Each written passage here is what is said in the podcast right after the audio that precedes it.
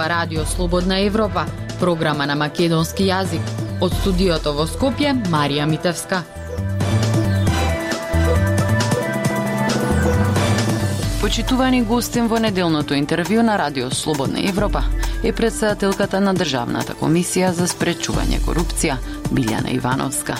Со неа разговаравме за тоа колку пријави стигнале до антикорупцијска за изборни нерегуларности по одржувањето на локалните избори, колку градоначалниците и советниците досега ја пријавиле својата имотна состојба и судирни интереси.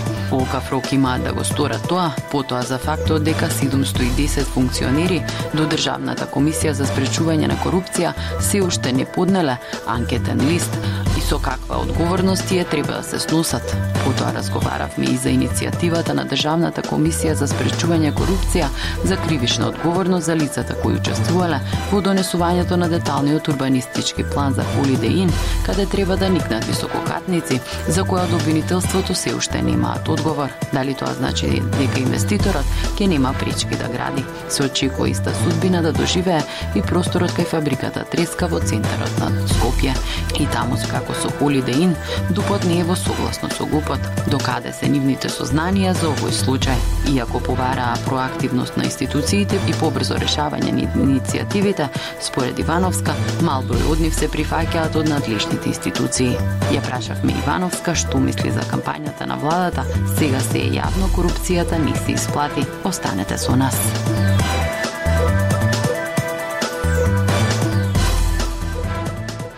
Господја Ивановска, локалните избори завршија. Колку пријави стигна до антикорупцијска за изборни нерегуларности?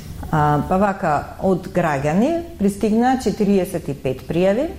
Шест предмети ни отворивме по наша собствена иницијатива, а три пријави добивме од организатор на а, изборна кампања, за кој што одржавме нели јавни седници и веднаш во рок од 5 дена, кој што е пропишено во законот, а, ги донесовме нашите одлуки. На што најчесто се однесуваат пријавите? Пријавите најчесто се однесуваат за вработувања, за прекршување на членовите 8А, 8Б од изборниот законник, за спроведување на некои градежни работи, така, во, принцип на тоа. Кога сме кај изборите, дали сите политички партии и учесници во изборите поднесоа финансиски извештаи? А, во принцип, политичките партии да, поднесоа финансиски извештаи, меѓутоа Има некои а, кои што не се политички партии, туку се нели она здружени гласачи или како да ги речам, кои што сметаат дека не треба да поднесат а, финансиски извештаи поради тоа што не оствариле некаков некаков приход. Ова, ова е поради тоа што не се доволно информирани, предпоставувам. Меѓутоа како и да е, за сите изборни нерегуларности и за сите финансиски е, случувања во текот на изборнава кампања од аспект на донатори, поддржувачи и така натаму, ние поднесуваме до Собранието на Република Северна Македонија посебен извештај во кој што ги е, потенцираме сите случувања во текот на изборната кампања, сите прекршувања на законските одредби во текот на кампањата, меѓутоа и сите оние настани кои се случија, кои не беа не значеа прекршување на изборниот законник, меѓутоа значеа суптилно влијание врз гласачкото тело. Тот беа односно беа темпирани настани да се случуваат токму во време на изборната кампања за да се влие врз гласачите. Градоначалниците и советниците имаат рок од 30 дена од нивниот избор да ја пријават имотната состојба и судирни интереси. Колку од нив досега тоа го направиле? Досега еден градоначалник поднел анкетен лист и три советници. Неодамна ние пред почетокот на седницата дадовме сообщение до сите советници, градоначалници, ново избрани, но и на оние што им истекува мандатот, а, укажавме на сите законски обврски што ги имаат во однос на поднесувањето на анкетните листови, меѓутоа и понатаму а, исто така нели обелоденивме уште некои членови од законот кои што треба да им бидат корисна алатка за да не се доведуваат во состојба на судирни интереси. Има ли некаков рок до кога треба да го Да, 30 дена. 30 дена. Рокот е законски 30 дена. Од кога се избрани? Точно од кога се избрани или од кога им престанал мандатот. Во меѓувреме објавивте дека 710 избрани функционери не поднеле анкетен лист. Зошто е тоа така и дали ќе се сносат со никаква одговорност? Па ние направивме една анализа, испоредивме со податоците од службен вестник кои се се избрани, кои се се разрешени, нели, функционери и утврдивме дека 710 од нив не поднеле анкетни листови до Државната комисија за спречување на корупција. Е сега, овој момент ќе се осврнам на, на два аспекти на моментот. Првиот аспект е тој што одговорните лица во тие институции не доставуваат информации, а тоа им е законска обврска, не доставуваат информации за промените што настанале во таа институција, било да е некој назначен нов или разрешен стар функционер. Од тие причини ние одевме нели со со таа анализа да бараме преку службен вестник податоци Е сега во службен вестник не се објавуваат и личните податоци, односно нема матичен број, затоа се не идеме во, во наредна фаза, значи да утврдиме точно кои се тие со матични броеви и така натаму. Следен чекор ќе биде подготовка на платен налог, нели тоа е можност да се платат пола од казната, доколку тоа не го подмират, понатаму се оди прекршочна постапка каде што ќе се ја платат целата казна. До обвинителството поднесовте иницијатива за кривична одговорност за лицата кои учествувале во донесување на деталниот урбанистички план за Holiday каде треба да никнат висококатници, за која се уште немат одговор. Што мислите, зошто од обвинителството со месеци нема информации за иницијативата? Па мислам дека најдобар одговор ќе даде обвинителството. Зошто? Ние можеме само да предпоставуваме. А, мене искрено не ми е јасно зошто, заради тоа што ние дадовме многу добро обработен а, пример а, во предмет, кој што ги содржеше буквално сите елементи и мислам, моја предпоставка дека не им треба многу време за да ги собираат податоците, затоа што се работи за еден конкретен детален урбанистички план, односно да соберат една папка за планот од општината и во таа папка се содржани сите овие податоци и информации кои што се однесуваат на злоупотребата на споменатите лица во таа кривична пријава. Така што искрено не знам и се чудам, а, мислам дека може со јавното обвинителство и заеднички да, да она што ние сме го откриле до сега да им биде од помош, зошто така се случува, наистина не ми е јасно. Очекувате ли кривично да гони обвинителството за овој случај? Ја можам да посакувам, а што ќе очекувам, више не очекувам ништо. Тоа значи дека ако од обвинителството набрзо не добиете одговор, инвеститорот ќе нема пречки да гради? А, не се знае тоа. Значи сега имаме нов совет, имаме нов градоначалник, они може да си преземат мерки, може би градоначалникот ќе има доволно храброст, ќе ги врати комуналите, значи може би мислам дека треба да се вашите прашања да ги адресирате и сега до новите советници, до новиот градоначалник, затоа што ако се сака има има решение. Иста судбина се очекува да доживее и просторот кај фабриката Треска во центарот на Скопје. И таму според вас како со Холидин Дупот не е во согласност со ГУПот.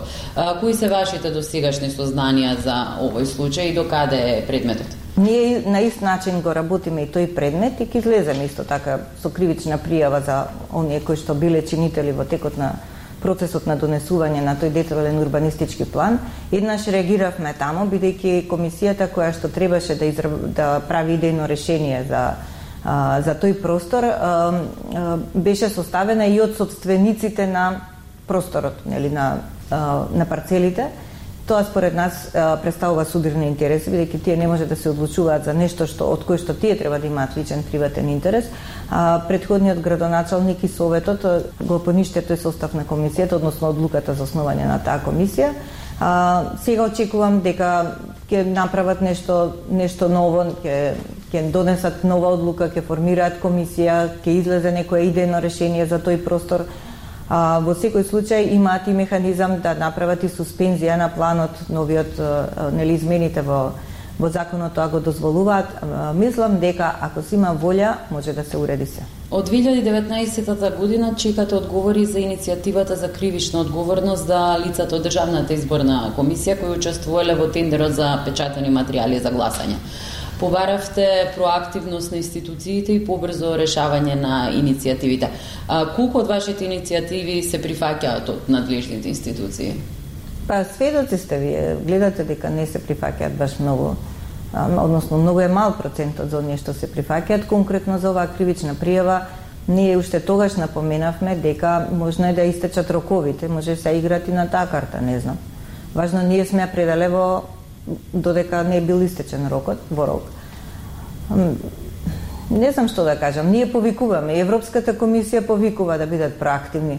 Значи, пак ќе кажам, уредувањето на нашава земја, намалување на криминалот и корупција и недолично однесување зависи од сите чинители во општеството. Ако сакаме ние да направиме едно општество добро за сите, тогаш тоа само од нас зависи, од никој друг. Во извештајот на Европската комисија, како што ја споменавте, има пофалби за работата на антикорупцијска, но се наведува дека напорите за подобрување на незиното функционирање треба да продолжат, особено со доделување дополнителни средства за регрутирање стручен кадар.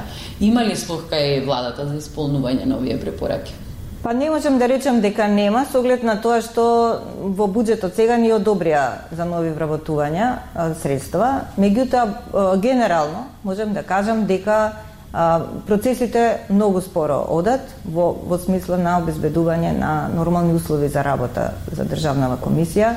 Ние имавме големи предизвици од просторни, од човечки услови, од материјални услови. Просторниве еве се решија после 3,5 години А, значи, во, и тоа во, во зграда која што е направена пред повеќе од 5-6 години. Значи, зградата постоела тука, зошто требало да се чека толку многу? Сакам да кажам, се некако е, како некој, се иде споро, споро, споро, а всушност работите не се за, за споро делување, треба побрзо да се делува, треба побрзо и да се екипираме, се некако има нели законски пречки, не знам, не можеме да ги да го зголемиме бројот на вработените согласно функционалната анализа, затоа што првин требало да се пополни по старата систематизација, па после по новата систематизација. Но од друга страна гледаме како масовно се екипираат други органи, кабинети и така натаму, така што што да кажам, мислам, има нели формална поддршка, меѓутоа не знам во суштина колку е таа вистинска. Владата спроведува кампања, сега се јавно корупцијата не се исплати. Ваквите кампањи треба да ги спроведува антикорупцијска или владата? Се разбира дека антикорупцијска. Мислам, владата би, треба да биде многу рационална во трошењето на буџетските средства. А, ние спроведуваме ваква кампања со поддршка на а, ИПА проект и владата знаеше, беа информирани дека ние имаме таква кампања, меѓутоа, нели, одговорноста за трошењето на парите сепак е нивна, така. Но сепак мислам дека најдобар пример и најдобра кампања на владата за борба против корупција е нивниот личен пример и нивните политики што ги водат, така што една кампања, не знам колку пари да потрошат, не може тоа да го покрие. Што значи дека, лично мислам дека не треба владата да води такви кампањи. Покажува ли владата личен пример? Е, па тоа јавноста го гледа и го цени, нели? Колку овие кампањи се на вистина ефикасни или поважно е предметите на кои работите да имаат за брзо време разрешница, иако како што споменавте, се оди спор? Предметите се важни, меѓутоа знаете како, ние не сме суд, не сме обвинителство, нашите предмети немаат таква разрешница како што би сакале граѓаните да видат а, од, од бројните предмети ние влечеме заклучоци какви со какви појави се соочува нашето општество, како и какви системски пропусти има во законската регулатива. Тоа е нашата улога пред се, превентивна улога што ја има оваа комисија. Нас не се важни предметите, затоа што врз основа на нив ние ги влечеме конечните заклучоци за појавите и ги даваме препораките. Чекорот понатаму треба да го спроведат оние кои што се одговорни за промена на законите, за донесување на законите как онака како што треба без коруптивни елементи и конечно за имплементација на законите онака како што се, како што треба да се, а не да се бараат постојано како што би рекол народот дупки во законите за да се а, извлече лична корист. Го слушавте неделното интервју на Радио Слободна Европа. Од студиото во Скопје со вас беа Марија Митевска и Дејан Балаловски.